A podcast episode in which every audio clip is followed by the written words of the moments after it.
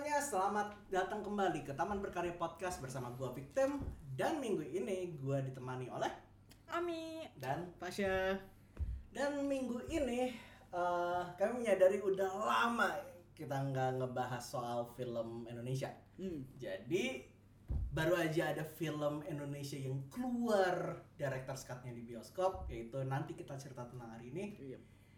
dan ya kita akan ngebahas itu. Iya. So untuk yang belum tahu itu uh, nanti kita cerita tentang hari ini adalah film terbaru karya Angga Dwi Mas Songko. Dia Yes, itu Songko. yang buat Kalau nggak salah buat surat dari Praha kalau nggak Surat salah. dari Praha. Sudah Love for Sale. Love for Oh, iya, Sale ya. for Sale juga. Jadi emang dia udah buat beberapa film dan film-filmnya tuh generally disukai sama penonton-penonton. Iya. Ya, ha. Wiro Sableng juga. Wiro Sab Oh iya sih Wiro, Wiro Wiro Sableng. Wiro Sableng. Hmm. Well itu nggak generally disuka sama penonton sih, tapi ya.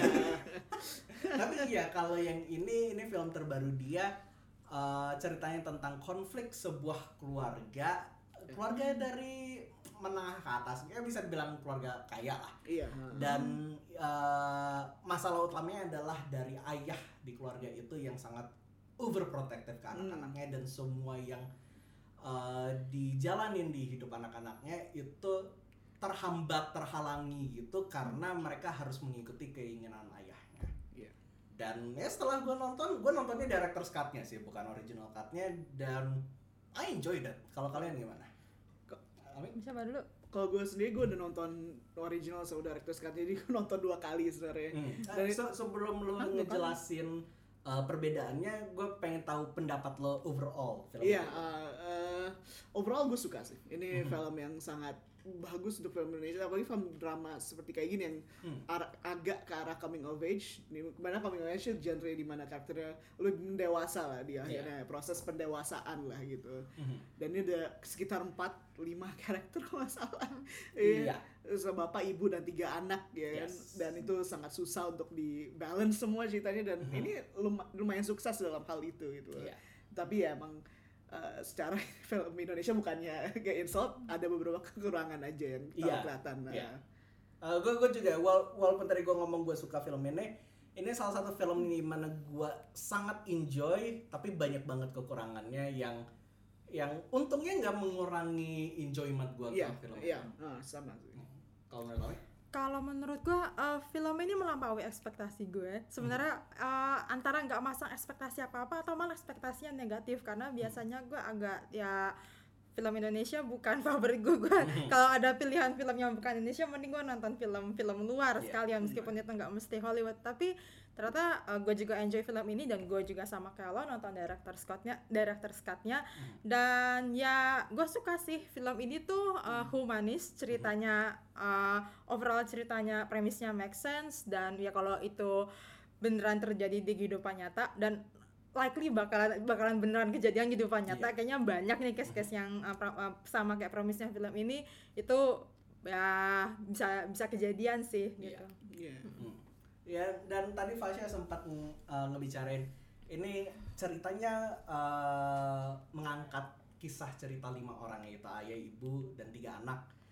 Tapi salah satu kekurangan yang bisa gua mulai soal film ini adalah dari lima karakter itu nggak semuanya mendapatkan jatah waktu Hmm. untuk menceritain Iya. yang pas. Hmm. Apalagi untuk karakter ibu yang Hmm, hmm. hampir nggak tereksplor sama sekali Mm-mm. dan salah satu karakter favorit gue di sini tuh si Aurora dan di film Hmm. ini emang dibikin seolah-olah uh, keluarganya uh, kayak mengacuhkan dia dia forgotten lah Hmm. Gue juga agak ngerasa filmmakernya sendiri juga melupakan karakter itu karena satu jam pertama gue kayak nih karakter ngapain dia nggak nggak muncul muncul sama sekali gitu jadi ya uh, kalau kalau emang dianalisis setiap karakter tuh bagus Iya. semua karakter tuh udah dipikir matang-matang oh ini Yes. karakternya kayak gini Hmm. perjalanan ceritanya kayak gini cuman uh, jatah waktu cerita untuk yang didedikasikan untuk Hmm. masing-masing karakter sangat tidak stab,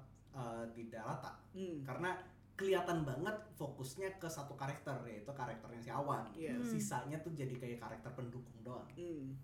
Ya, mungkin gue bisa klarifikasi dari gue yang tadi bilang ini agak balance karena Hmm. menurut gue uh, m- mungkin di gue jelas mereka punya ke- uh, fearsnya mereka masing-masing dan itu uh, ter- establish karena nggak gampang untuk ngasih establishing uh, apa uh, visi dan misi setiap karakter gitu istilahnya kan gitu jadi uh, menurut gue mereka malah uh, bagus dalam hal yang clear lah. Maksudnya ceritanya ada so- ada ada masalah ada solusi untuk setiap karakter gitu bukan tapi bukan emang bukan berarti masalah dan solusi itu ya, secara perjalanannya yang baik gitu dilakukan dengan baik gitu kan. Iya. Tadi si Ami sempat ngomong kalau konflik dari dari keluarga ini bisa relate relatable ke banyak orang. Cuman kan ini keluarga yang bisa dibilang cukup kaya lah. Privilege Iya, privilege privilege. banget gitu. Iya benar. Kayak kayak konflik apa yang bisa uh, dirasakan sama mayoritas orang-orang dengan dari konflik karakter eh keluarga kayak gini. Bisa coba dijelaskan? Apa ya? Ya mungkin dalam satu keluarga eh, satu keluarga apalagi yang privilege dan privilege di sini berarti eh, punya banyak resource waktu mungkin duit juga dan lain sebagainya. Jadi ada satu mungkin ada satu yang dibanjiri perhatian dikasih materi apa apa disuapin gitu ya. Yang dan mungkin da- kalau dalam kasus ah, aku nggak tahu apakah semua rumah tangga kayak gini tapi kalau dalam kasus ini kebetulan di antara semua anak-anak yang satu dapat perhatian lebih. Yang satu ya dikasih sih materi dikasih kayak misalnya si Aurora kan dia ada dia kan seniman dan bikin peralatan sejumlah seni rupa itu kan resource-nya juga pasti gede kan. Iya. sebenarnya dikasih juga tetapi eh, ya sebatas materi aja nggak dalam bentuk perhatian eh, emosi gitu. Hmm. Iya sih, itu emang kerasa banget. Nah, kak, karena itu, itulah yang kenapa gue bilang eh, karakter-karakter ini tuh udah dipikir matang-matang. Cuman seandainya jatah waktu mereka lebih rata, itu lebih bagus. Karena mayoritas kita menghabiskan waktu bersama Awan. Tapi sayangnya untuk gua Awan tuh karakter yang pasif. Dia Hmm. dibikin jadi tokoh utama, cuman dia nggak ngelakuin apa-apa untuk memajukan cerita Hmm. dia malah dia ketemu sama seseorang dan seseorang ini yang mengubah uh, cara pandang hidup dia tapi dia nggak nggak memutuskan untuk do anything untuk mengubah hidupnya sendiri Hmm. dia nggak melakukan sesuatu supaya oh perjalanan dia harus dari sini ke sini gitu Hmm. padahal filmnya menghabiskan banyak banget waktu di dia itu Iya, yang gue iya. sayang banget. Ah, gimana ya gue gue gue bisa relate ke tiga karakter ini masalahnya. Itu jadi Iya. gue bisa ngambil suatu unsur dari diri gue sendiri dari karakter-karakter ini. Karena ini emang filmnya sangat grounded untuk zaman sekarang dan makanya banyak penonton kan nonton 2 juta penonton kan Yes. gitu loh Aha. karena orang-orang bisa relate dengan dengan gampang gitu loh. dan Mhm. gue seneng aja ada cerita ayah yang overprotective yang sedetail ini gitu Mhm. lumayan detail gitu ceritainnya biasa kan ibunya gitu gitu lo jangan sama nangis ya gue nangis lu nonton itu Oh, sebenarnya gue nangis yang Oh, iya. nonton originalnya gue nangis karena ya itu yang gue ada relate beberapa di Hmm. situ yang ya ya mungkin 2 juta penonton pun juga pasti ada beberapa yang relate yang Hmm. nangis Dua juga gitu ya. Lebih malahan pasti kan. Eh iya tapi itu juga awan cerita di awal-awal nih yang fokusnya di awan tapi ya ada suatu twist yang ngerubah itu Iya. yang merubah fokusnya itu yang jadi ya itu main problemnya sih kayaknya. Agak eh, message-nya berubah lah pas di akhir. Karena message-nya udah bagus. Apa eh, apa kita jalani hidup sebisa kita mungkin. Dan you know there's no happy ending to each story gitu dan ini Hmm. eh, apa maksudnya nggak ada nggak semua jalan hidup tuh pasti akan happy dan apa eh, senang-senang aja gitu dan, dan ini kayak ya itu gue setuju sih. Di akhir mereka walaupun dapat solusi tapi kayak I don't think they all deserve that gitu. Ya, gue setuju banget soal uh, apa argumentasi lo. Karena dari semua karakter-karakter di situ endingnya tanpa nge-spoil terasa terlalu neat, terlalu Iya, clean gitu. iya. Jadi kayak mereka tuh berusaha banget untuk bikin akhirnya semuanya happy-happy, semuanya mempunyai resolusi yang baik. Iya. Padahal menurut gua dengan cerita yang udah di build se- se- sepanjang filmnya gak perlu happy ending gitu. Iya. Emang mereka butuh resolusi, tapi resolusinya nggak harus mereka senang satu sama lain. Iya. gitu. Gimana menurut lo? Mi? Eh, pertama gue menanggapi dulu soal eh, karakter Awan yang menurut lo dia pasif dan tidak melakukan apa-apa. Mhm. Nah kalau gue sendiri agak kurang setuju dengan itu. Maksud gue, mm, gue setuju bahwa dia pasif tetapi gue merasa itu ada alasannya soalnya kalau ini sih dari pe- pengalaman gue bertemu dengan sejumlah orang yang seperti itu di dunia nyata I mean dalam kehidupan gue gue pernah ketemu orang yang kayaknya apa-apa tuh dia disuapin. Maksudnya kayak dia nggak pernah membuat keputusannya sendiri. Rasanya agak ganjil kalau eh tak tahu dia mendadak eh, punya inisiatif nggak ada angin nggak ada hujan. Apalagi ini ceritanya si eh, Awan dia mungkin punya background A dan ketemu si Kale.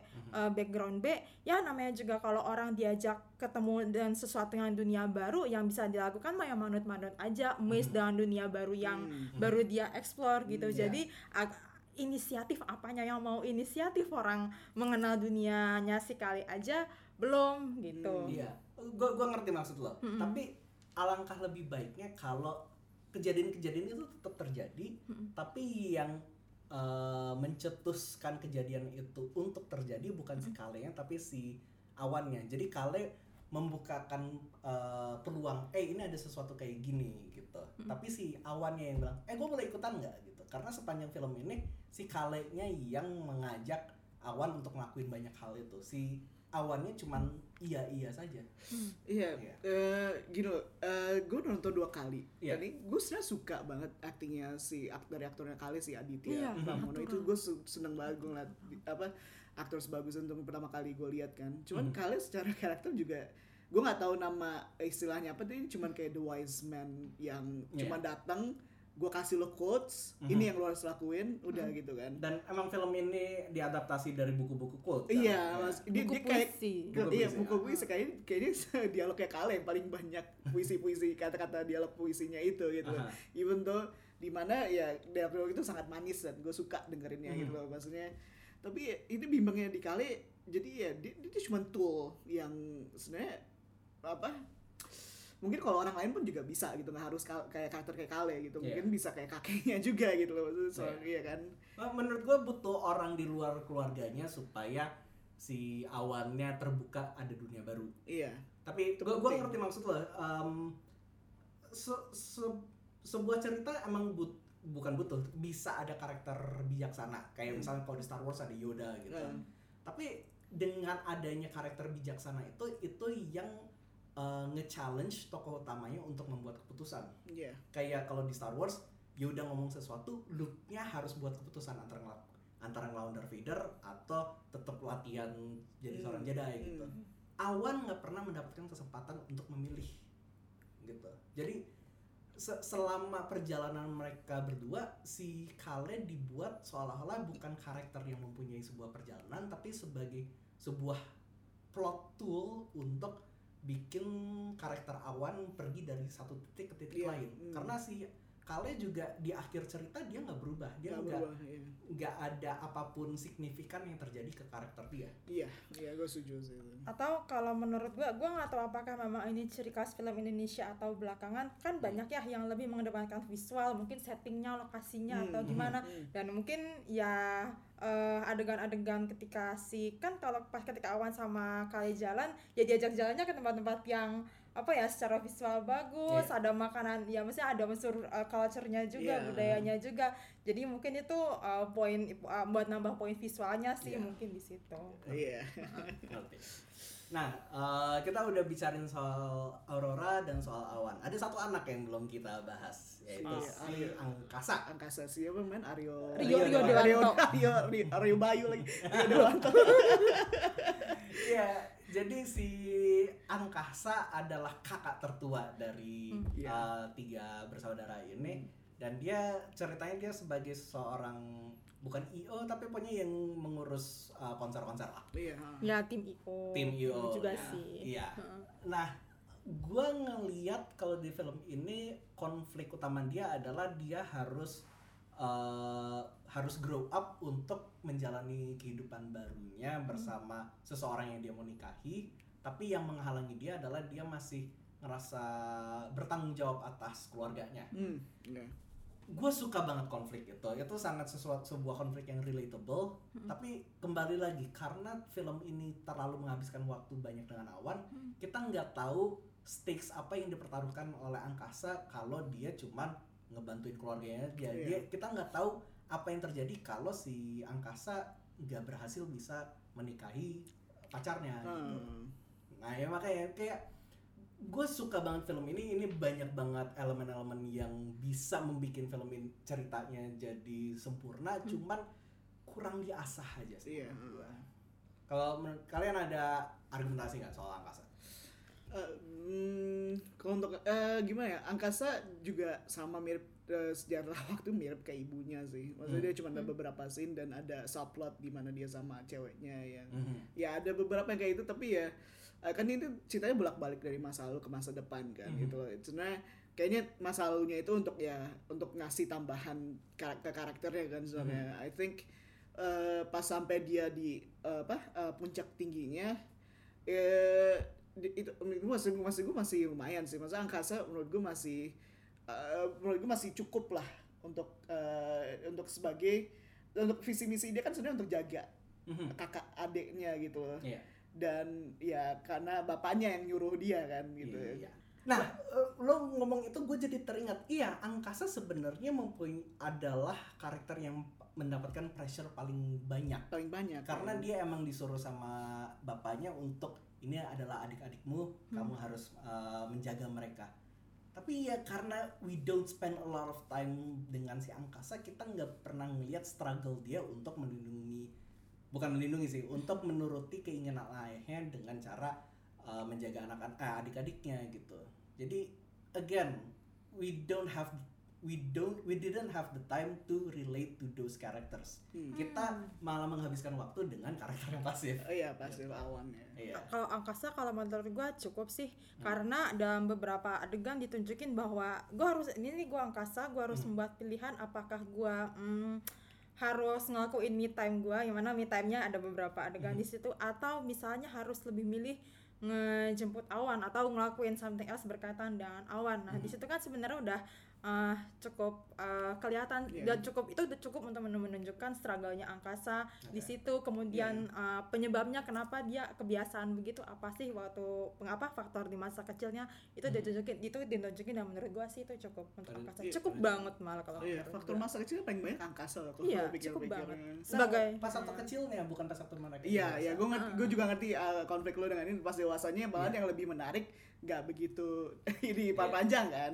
A- masalahnya mirip kayak It Chapter 2 sih. Kayak mayoritas kita menghabiskan waktu dengan anak-anaknya dan konfliknya Iya. kebanyakan pas waktu mereka Iya. anak-anak yang gede sih. Gue shout out untuk aktor anak-anaknya bagus banget Yes. actingnya. Ya, basically almost all the actors performance-nya bagus sih. bagus banget, ini positif paling positif film Iya. ini sih.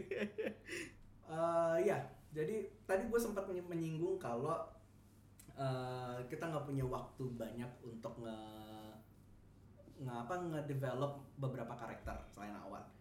Nah, mungkin itu yang dirasakan sama direkturnya, eh, makanya dia ngebuat director's cut. Tapi gue nggak tahu karena gue nonton director's cut dan itu gue ngerasanya setelah nonton Hmm. director's cut.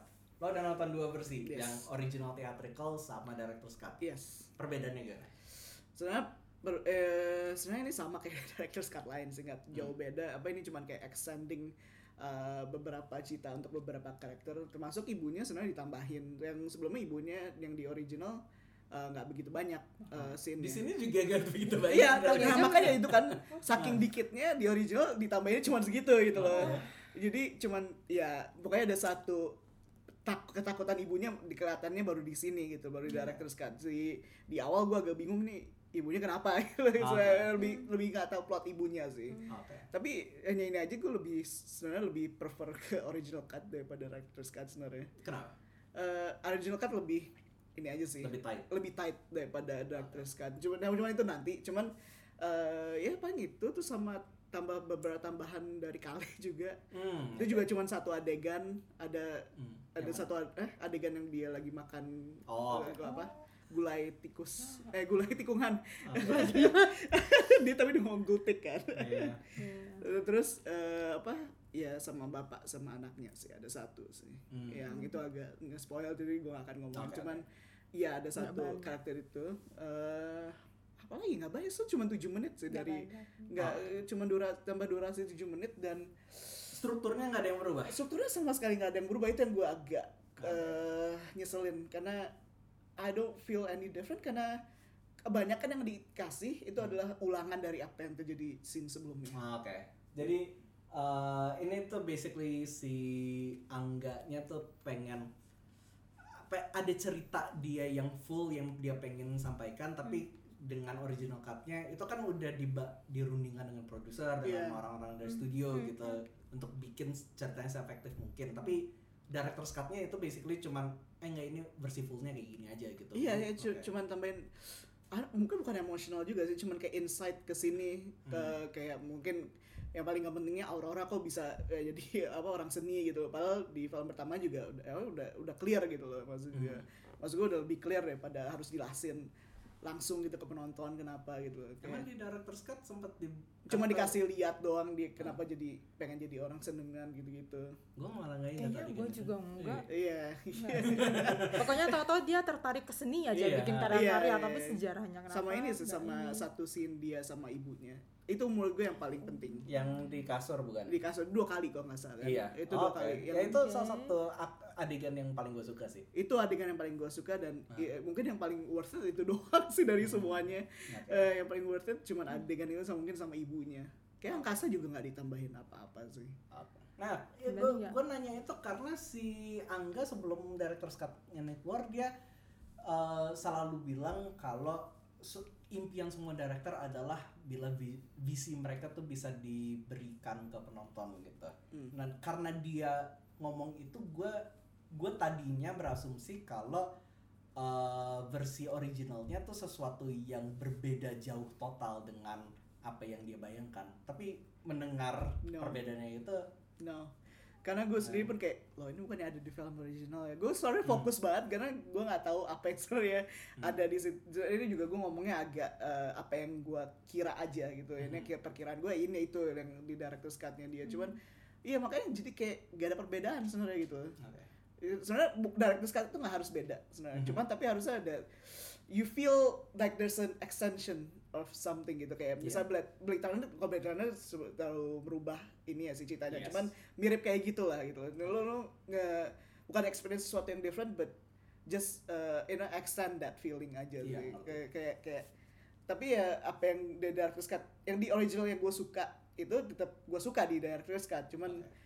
Ya eh, worth- kalau misalnya lo tanyain gue worth it atau enggak ya Enggak ya? nggak terlalu sih sebenarnya paling Jadi- cuman cuman satu atau dua scene yang mungkin oke oh, itu mana lebih bagus kalau misalnya udah ada di original cut aja sih Terasa lebih dragging nggak jadinya? Dasa lebih dragging apalagi masuk ke act 3 Oh, ya. itu gue udah mulai oh my god be done with this abis karena gue udah capek gitu Iya. kayak gue udah gue udah seneng sampai di apa sampai di puncaknya Hmm. walaupun sampai ke situ ritmenya nggak begitu Hmm. baik karena ya ritmenya agak jomplang-jomplang ya kerasa sih untuk film kayak gini kalau nggak ada ritme yang baik ya udah gitu Iya sih. lu nggak akan eh, apa nggak akan terpukul dengan apa yang di twistnya itu gitu makanya gua- Iya. eh, jadi gue pernah ngomong ke beberapa orang pas gue nonton yang original pertama kali Ah. gue nggak suka editingnya gue nggak Iya. suka apa strukturnya tapi eh, karena twistnya itu tapi Mhm. sebenarnya karena twistnya itu tapi pas gue nonton lagi oh gue yang salah Mhm. karena emang twistnya itu adalah anchor untuk cerita ini gitu loh Oh iya. tapi tetap suk- ada eh, apa ritmenya masih nggak ada Yes. gitu. untuk ke arah situ twist mungkin paling parahnya karena twistnya ritme ke twistnya itu nggak nggak kesampaian Jadi- gue gue gue mau sedikit elaborate soal uh, ritmenya itu tapi sebelum itu lo kan sekarang baru dengar perbedaan antara original theatrical sama director's cut. Hmm. Jadi tertarik ngeliat nggak yang original theatrical kayak gimana? enggak Enggak. enggak karena tadi udah disebutin ada Ah. beberapa adegan yang penting apalagi ya cerita untuk ibunya udah ditambahin yang menurut Hmm. gua sebenarnya juga masih kurang versi untuk ibunya Aha, nanti boleh dibahas lagi aha. ya sebenarnya versi director's cut-nya aja cukup sih maksudnya satu ver- kalau misalnya harus memilih salah satu versi mungkin direct director's cut-nya aja. Iya. gitu kalau setelah iya. dengar perbedaan yang Mhm. tadi ya Iya. Mm. Ya gue setelah denger itu gue gue sebenarnya pengen lihat kalau filmnya lebih tight tuh kayak gimana. Mungkin gue pengen nonton tapi kalau udah streaming gue it gue ngerasa it's not worth it untuk gue beli satu tiket lagi untuk ngelihat versi lebih pendek 7 menit kayak kayak udah nggak ada lagi juga nih. Iya sih. Ya. Tinggal director Ya, cut. mak- makanya gue jadi kepikiran mungkin director's cut ini tuh nggak worth it. Maksudnya bisa dikeluarin tapi nggak di bioskop, mungkin streaming aja Iya, gi- gitu. gini loh keluarnya s- belum sebulan tapi udah keluar dari Iya. first cut-nya gitu loh. Original theatrical masih ada di bioskop dan director's cut-nya juga ada. Dia udah keluar gitu loh. Maksudnya I get it. Eh, ini sukses paling sukses film kalian gitu tapi kayak agak ego ya, sombong sekali. Apalagi posternya Apalagi muka directornya. Ya, gitu. Kayak gue nggak pernah ngeliat poster Blade Runner mukanya Ridley Scott. Iya. itu itu dia. biasanya ini ya kalau gue nggak pernah gue kurang akrab dengan film-film yang ada director cut-nya tapi biasanya berjarak cukup jauh gitu ya nggak nggak Hmm, harus ya, soal durasi tapi bisa aja kayak struktur ceritanya beda Iya. penceritaannya beda gitu jadi da- biasanya kalau ada director's cut itu hasil kalau filmnya tuh emang ada masukan dari produser dari studio dari berbagai macam uh, masukan Hmm. gitu sedangkan kalau director's cut ini emang benar 100% visinya sutradaranya Iya, eh, maksudnya vis- dan visi saudara tuh nggak nggak selalu yang paling terbaik. Iya. Itu dia gitu. Hmm. Ini harus ditekankan visi saudara tuh bukan selalu yang paling terbaik gitu. nah lo tadi sempat nyinggung soal ritme Hmm. salah satu hal yang gua nggak suka dari film ini adalah flow-nya Hmm. gue ngerasa sepanjang film mayoritas it feels very melodramatic Iya. whatever the scene dan ya jadinya kayak kalau ada adegan karakternya happy tapi pembawaannya masih sedih Hmm. karakter orang marah pembawaannya masih sedih jadi penonton nontonnya sedih terus Iya. Lalu pas waktu di, di climaxnya pas waktu twistnya datang gitu harusnya sedih banget karena gue udah sedih selama satu setengah jam sebelumnya ya gue tetap sedih Iya, gitu iya, kayak capek sih. iya kayak nggak ada perubahan dalam gue mendapatkan informasi itu jadi Ah.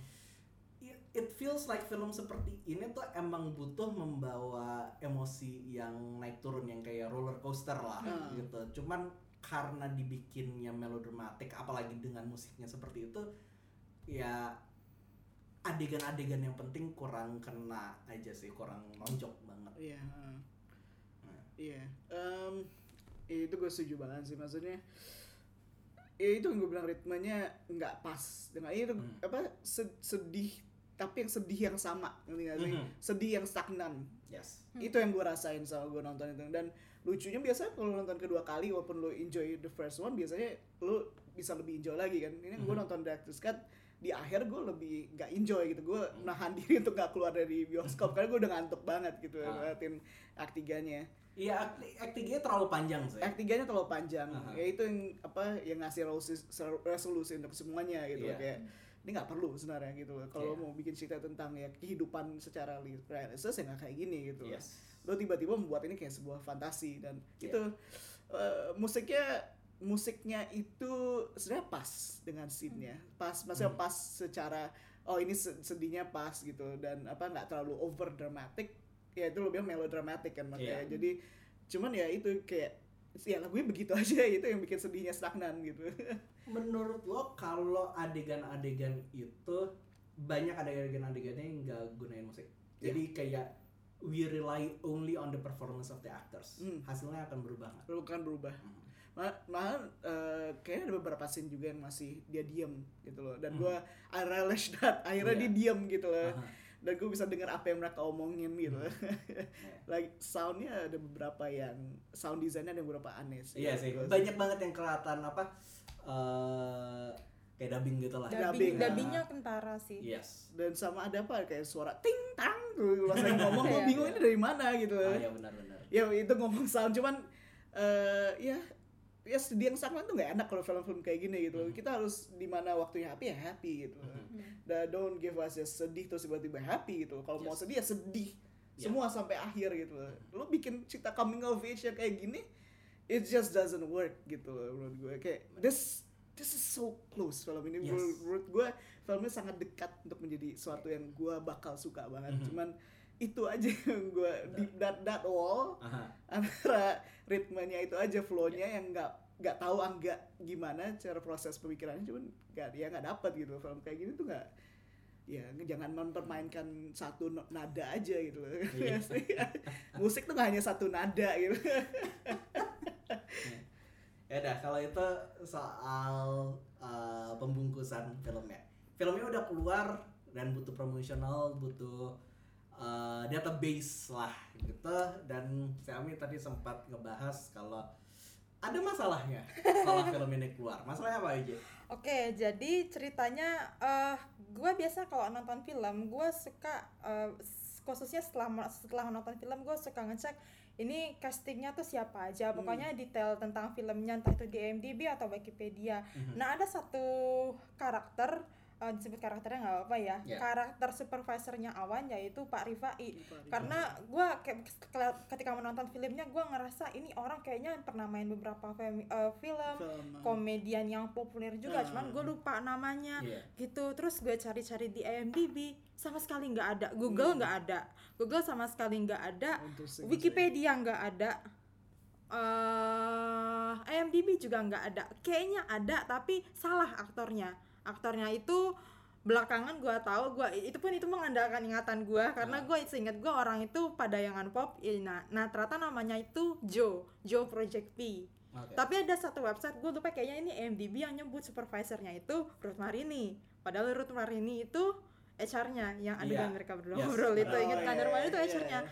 Nah di situ gue kecewa sih karena uh, apalagi kan film ini kan lagi lagi populer populernya kenapa uh, info-info pelengkapnya itu nggak nggak nggak nggak dioptimalkan gitu loh. Kemudian soal soundtrack soundtracknya juga sebenarnya kan uh, soundtrack film ini menurut uh, menurut gua sih bagus-bagus ya apalagi sekarang dengan uh, ada yang sekarang kan kayaknya yang yang uh, India. lagi populer kan indie India. indie ya beberapa genre indie kayak ada sisir nggak cuma Hindia tapi ada juga sisir tanah dan yang lain nah masalahnya soundtrack itu infonya di IMDb itu kurang. Jadi di antara sekian banyak soundtrack cuman satu soundtrack yang ditampilkan di IMDb sisanya itu nggak ada. Hmm, track yang mana yang ditampilin IMDb? Yang ya, Isyana Oh Isyana. yang ya, Isyana ya, yang ya. selebihnya selebihnya itu nggak ada Isyana tuh yang terakhir ya, di scene Mungkin- terakhir ya. kayaknya sih kayaknya gue kurang kurang hafal Ah. juga sorry mbak Isyana sorry tapi gue gue gue kurang hafal itu Tapi- interesting karena gue suka sih kompilasi lagu-lagu mungkin bukan Iya. soundtrack sih Eh, soundtrack kan lebih kayak original score-nya dan Iya. kompilasi lagu-lagu yang dipakai untuk Iya. film ini Betul. bagus sih ya. Gue sendiri juga, nah terkait dengan soundtrack, gue sendiri juga udah ngecek Spotify. Uh, gue nggak tahu uh, meskipun uh, bias lagu apa namanya film ini kan menggunakan lagu-lagu dari uh, orang lain, maksudnya Yes. bukan original Yes, bukan soundtrack. original, ya aku ya. nggak tahu ya kalau yang Isyana itu gimana. Ah. Nah, gue nggak tahu apakah commonnya ada satu album khusus untuk kompilasinya Hmm. dan di Spotify itu nggak ada. Hmm. Ada sih uh, playlist, tapi playlist yang dibuat oleh Orang- user biasa iya, user gitu, biasa, iya. bukan user resminya. Padahal Iya. kalau ada user resminya, misalnya gua Hindia appears on album ini, Iya. gua Isyana appears Iya, on iya, ini, iya. dan seterusnya kan jadi lebih bagus Iya, gitu. iya. Secara ya di di di streaming sites kayak Spotify. Mungkin untuk kompilasi lagu belum aja kali ya. Iya. Iya. sekurang-kurangnya IMDb lah Iya, itu- itu gitu. bahasa yang IMDb tuh basic basic banget kan kalau orang mau cari info soal ya nggak sih bener kan nggak cuma buat jangan buat ngumpulin rating doang Nah, lo gue juga kredit sih, gue nggak tahu mereka, tapi pasti mereka di kredit taruh hin- ini adalah Hindia, Hindi band Iya. Hindia, terus castnya gitu gitu. Mhm. Pasti- karena Hindianya sendiri semua ada di filmnya juga. Iya. betul Iya. betul Tapi ya kalau itu kan tetap harus nonton filmnya untuk Iya, ngeliat itu Betul. dia. ini mungkin sebuah masalah yang apa ya dihadapin banyak banget film Indonesia terutama film-film indie gitu. Ini masih bisa tergolong film indie gak sih? Komersial sih sebenarnya. komersial Ah. oke ya masih ya itu lebih parah lagi. Film komersial yang harusnya mempunyai dana yang lebih besar harusnya mereka mempunyai obligasi untuk ngedatabase semua itu. Bukan cuman untuk orang-orang tahu tapi untuk ke depannya eh, inilah film-film Indonesia yang udah pernah dibuat inilah semua orang yang terlibat dengan film itu itu penting untuk sejarah Yes. perfilman ya, Yes. apalagi perfilman Indonesia Yes. gitu jadi untuk film ini yang nggak melakukan effort untuk itu untuk gua sesuatu yang sangat disayangkan Iya. Ter- termasuk kalau misalnya eh, dalam halnya apa directory castnya ya kalau gue bandingkan dengan film-film luar Hollywood misal orang jadi cameo nggak penting gitu bisa cameo yang cuma berapa detik doang itu dicantumin loh di IMDb iya. Ma- mana jadi tracknya ketahuan oh misalnya mungkin dulunya dia cameo Iya, apa iya. sekarang jadi list eh, masuk A list misalnya Iya, gitu iya. kan ketahuan tracknya Iya. kalau di IMDb kalau ini yang yang bahkan supporting karakternya aja ada yang nggak masuk di MDB yang Ya, itu Joe Project sih, itu iya, sayang banget iya. padahal dia udah membintangi beberapa film di antara padangan pop dia yang termasuk yang paling banyak membintangi film. iya. Oke, sebelum kita ke babak terakhir dari uh, review kita, kita mau membahas sedikit tentang akhir film tanpa nge-spoil, yaitu ini cerita tentang lima karakter. Tentu lima karakter itu butuh resolusi. Resolusinya bisa baik, bisa buruk, tapi tetap karakter-karakter yang harusnya uh, penonton ikutin sepanjang film harus mempunyai sebuah resolusi. Dan tanpa memberikan banyak spoil, spoiler untuk gua resolusi di sini banyak yang agak dipaksain, banyak yang gak gak earned Iya. sama karakter-karakternya. Malah menurut gue mereka harus berhenti lebih awal sih. Iya. ada yang. Apalagi act 3 yang panjang kan bisa dipotong setengah. Iya, makanya kita bikin segmen ini karena act 3 yang paling parah sih menurut gue. Act 3 Iya. yang bikin film ini mungkin lebih unenjoyable daripada seharusnya gitu Mhm. menurut gue sih.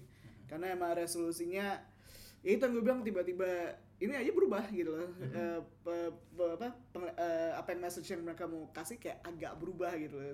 Iya. Ya gue ngerti everyone gets a second chance and everything else gitu. Tapi kan nggak harus selalu liatin di film itu secara Yes. keseluruhan gitu loh. Iya. Itu Indonesia banget sih menurut gue sih. Iya, gue gue merasa kayak uh, cerita ini dari Act 1 sampai Act 2 it feels very realistic sesuatu yang terjadi di banyak banget kehidupan asli. Hmm. Tapi Act ketiga ceritanya dijadiin sinetron. Iya. Mm-mm. Iya. Jadi ya, gimana kalau menurut lo?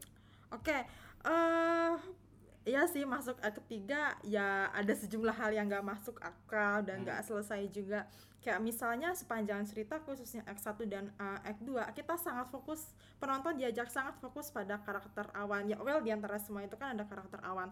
Tetapi ketika masuk ke act 3 di mana perhatian sang ayah yang ya mungkin dia mulai sadar lah atau apa ber- uh, beralih ke karakter yang lainnya tapi nggak ada resolusi yang jelas untuk karakter awan relationship mereka berdua. Apakah ayahnya tetap overprotective atau gimana? Iya, itu, itu- kayak itu di benar, original iya. ini dari Scott aja nggak ada, Nggak ada, sama original. Aja. kan kita juga bertanya-tanya lah terus ayahnya sama Owen gimana? Gitu. Kemudian eh act ketiga juga buat ibunya. Hmm, ini menurut gua agak-agak aneh karena dengan dengan twist yang ada di film itu eh gue merasa seharusnya di antara semua lima karakter itu ibunya yang paling terpukul. Ya kan? Iya. nah sehingga eh dalam posisi seperti itu supaya dia bisa eh, kan kebetulan di Act 3 ada ceritanya si ibunya ini inisiatif melakukan sesuatu. Tapi kayak nggak ada angin nggak ada hujan dia langsung inisiatif aja ngambil Iya. kunci mobil dan sebagainya. Padahal sebagai seseorang yang menyimpan trauma sebegitu banyak kan Act 1 Act 2 kan ditunjukin tuh trauma si ibunya. Iya. dia pantas punya screen time untuk momen apa ya kayak semacam tergugah gitu. Ya. oh ini keluarga gue lagi hancur gue harus berbuat sesuatu. Ada momen bagi dia untuk berpikir gitu dan well itu bakal berarti banget sih buat uh, segmen kaum Ya. ibu mungkin gitu Oh iya iya, I think ah, kalau nggak salah ada shot itu juga yang apa kayak dia si ibunya ngobrol sama bapaknya doang, tapi itu kayak came out later, Iya. very itu late. masih pasif sih Itu masih dan itu masih bisa di extend sebenarnya itu sih Iya. kalau di shoot Dan- lagi. Dan nggak ada pencetus adegan itu juga. Iya iya, dari- tiba-tiba, nah Total- itu dia.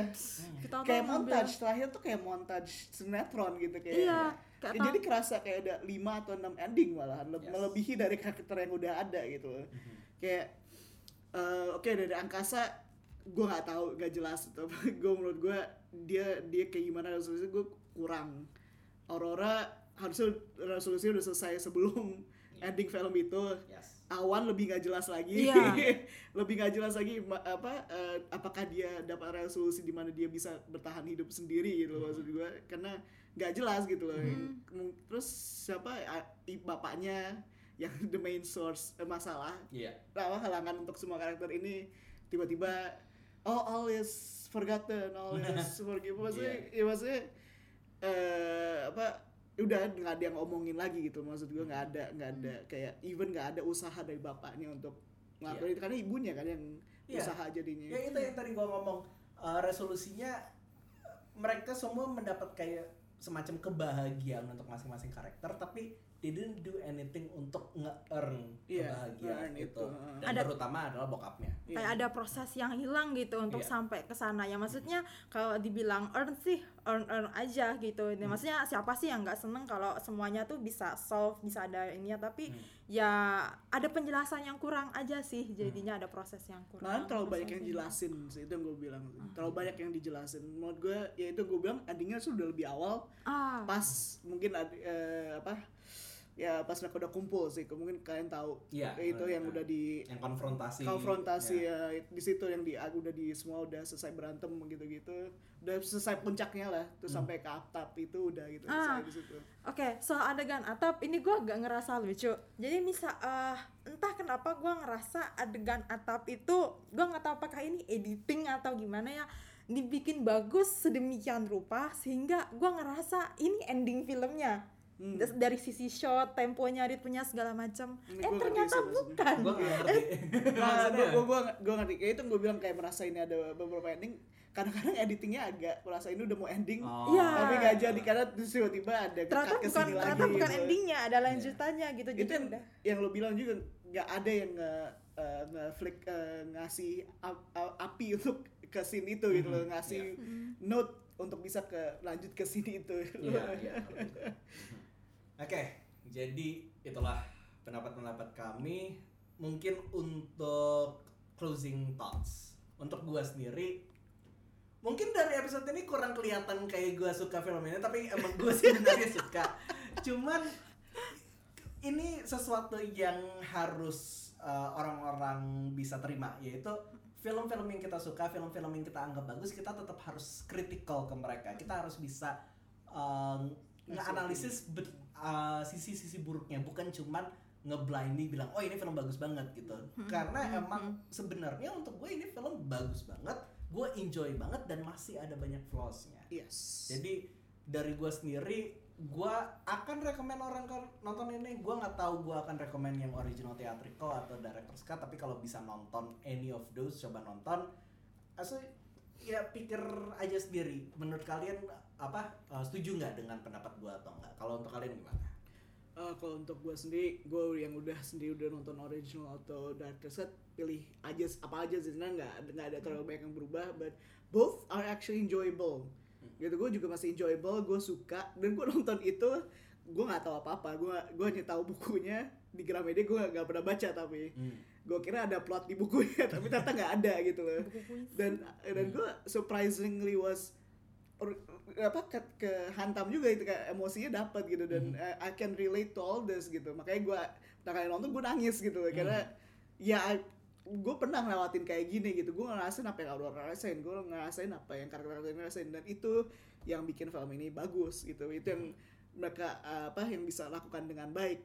Tapi uh, emang nggak ada film yang semua film uh, nggak ada film yang sempurna gitu maksud gue dan Ada cats. ada kan Ah, dan apa ya ini uh, masuk ke apa ke menurut gue kayak Indonesian New Wave. Mungkin bukan terlalu Mhm. cepat cuman sekarang kan udah lumayan agak grounded film-film kita cita-cita ke dua garis biru Aruna dan lidahnya Yes. dan lebih unik gitu loh dan Yeah. posesif gitu-gitu dan ini ke arah situ dan gue bangga sekali kita bisa bikin cerita yang seperti Yes. ini walaupun nggak sempurna gitu loh. Iya. kita masih punya banyak yang kita harus bisa pelajari dan kita harus terima ya ini opini-opini kita gitu dan coba cerna dengan baik gitu loh At least we're on the right path lah. right we're on the right path itu yang gue senengin gitu loh Kalau menurut? Uh, overall gue enjoy dengan film ini. Memang ada banyak flow Mhm. yang tadi kita udah bahas, tapi itu tidak mengurangi uh, apa enjoymentnya gue. Uh, gue sih uh, senang-senang aja kalau bisa mempromosikan apa ikut bantu ngerekomen uh, film Iya. ini untuk ditonton. Akan tetapi uh, buat kalau gue sih masih sangat penting kita untuk bagi para produser film, tim kru film untuk memperbaiki database-nya, promotional database-nya. Yes. Apalagi kita sekarang udah masuk eranya uh, streaming sites kayak Netflix. Bukan nggak mungkin NKCTHI ini ya berapa bulan kemudian atau uh, setahun dua tahun kemudian bisa masuk di Netflix Yes. dan saat ini ya maksudnya sekarang aja kita bisa uh, iseng-iseng atau explore nonton film dari negara lain yang kagak ada di Hollywood pisan-pisan kalau kita suka kita bisa cari tahu oh aktornya siapa Hmm, musiknya siapa yang mainin. Nah sekarang gimana kalau misalnya NKCTHI maju ke Netflix misalnya tapi ketika orang mau cari tahu tentang pemeran ini siapa sih? Terus ih kayaknya musiknya enak-enak meskipun gua nggak tahu artinya siapa yang nyanyiin. Ya itu ya ya jadi sayang gitu karena infonya kurang gitu. Kalau kita Yes. mau bener-bener uh, bersaing apa ikutan bersaing di streaming sites Ya. Mungkin uh, untuk kayak ngasih informasi tambahan ke para produser dan para studio yang uh, pengen buat proyek-proyek seperti ini, the more information yang uh, ada untuk orang-orang bisa dapat, itu kan lebih gede kemungkinan untuk mereka bisa nonton. Jadi nggak nggak ada bu- sisi buruknya untuk menjaga informasi dari publik. effortnya Yes. nggak banyak kok. Effort- dan dan uh, jangan salah bahwa ada banyak orang-orang penonton penikmat film dunia, di dunia apalagi setelah eranya streaming set yang nggak takut untuk explore sesuatu yang nggak mesti Hollywood gitu jadi Yes. sebuah apalagi ya film-film kita udah udah mulai ceritanya udah mulai grounded seperti yang tadi Fasya bilang dan itu lebih bagus lagi dilengkapi dengan informasinya di internet gue nyari sto- soundtracknya kumpulan soundtracknya aja itu malah nemunya di artikel mana gitu jadi mencar-mencar nyarinya Iya, iya, dan iya. dia karena saking di MDB-nya tuh nggak ada ya maksudnya word of mouth is a good thing apa Iya. ngomong ada emot masih tetap bagus tapi tetap aja promosi itu harus juga usaha dari langsung iya udah ada dari udah awal. dikasih IMDb udah ada Wikipedia tapi nggak dioptimalkan iya Nggak, nggak harus itu juga dari Twitter aja sebenarnya Twitter udah aja cukup. cukup Iya. ah. Tapi ya itulah pendapat kami soal nanti kita cerita tentang hari ini. eh mungkin itu saja Iya. eh, untuk minggu ini, untuk minggu depan karena ini usu- udah menuju akhir dari musim penghargaan, jadi minggu depan kami akan membahas soal Oscars. Oscars iya Jadi kalau kalian nggak mau ketinggalan, tolong subscribe dan nyalakan notifikasi. Kalian juga bisa follow kami di sosmed di Instagram, Twitter, dan Facebook. Dan juga ada audio version podcast ini di Spotify, jadi bisa di follow juga di situ. Yep. Ya, sudah itu saja dari kami. Gua adalah victim seperti biasa dan episode minggu ini gua ditemani oleh Amin dan Fasya dan sampai jumpa di episode berikutnya.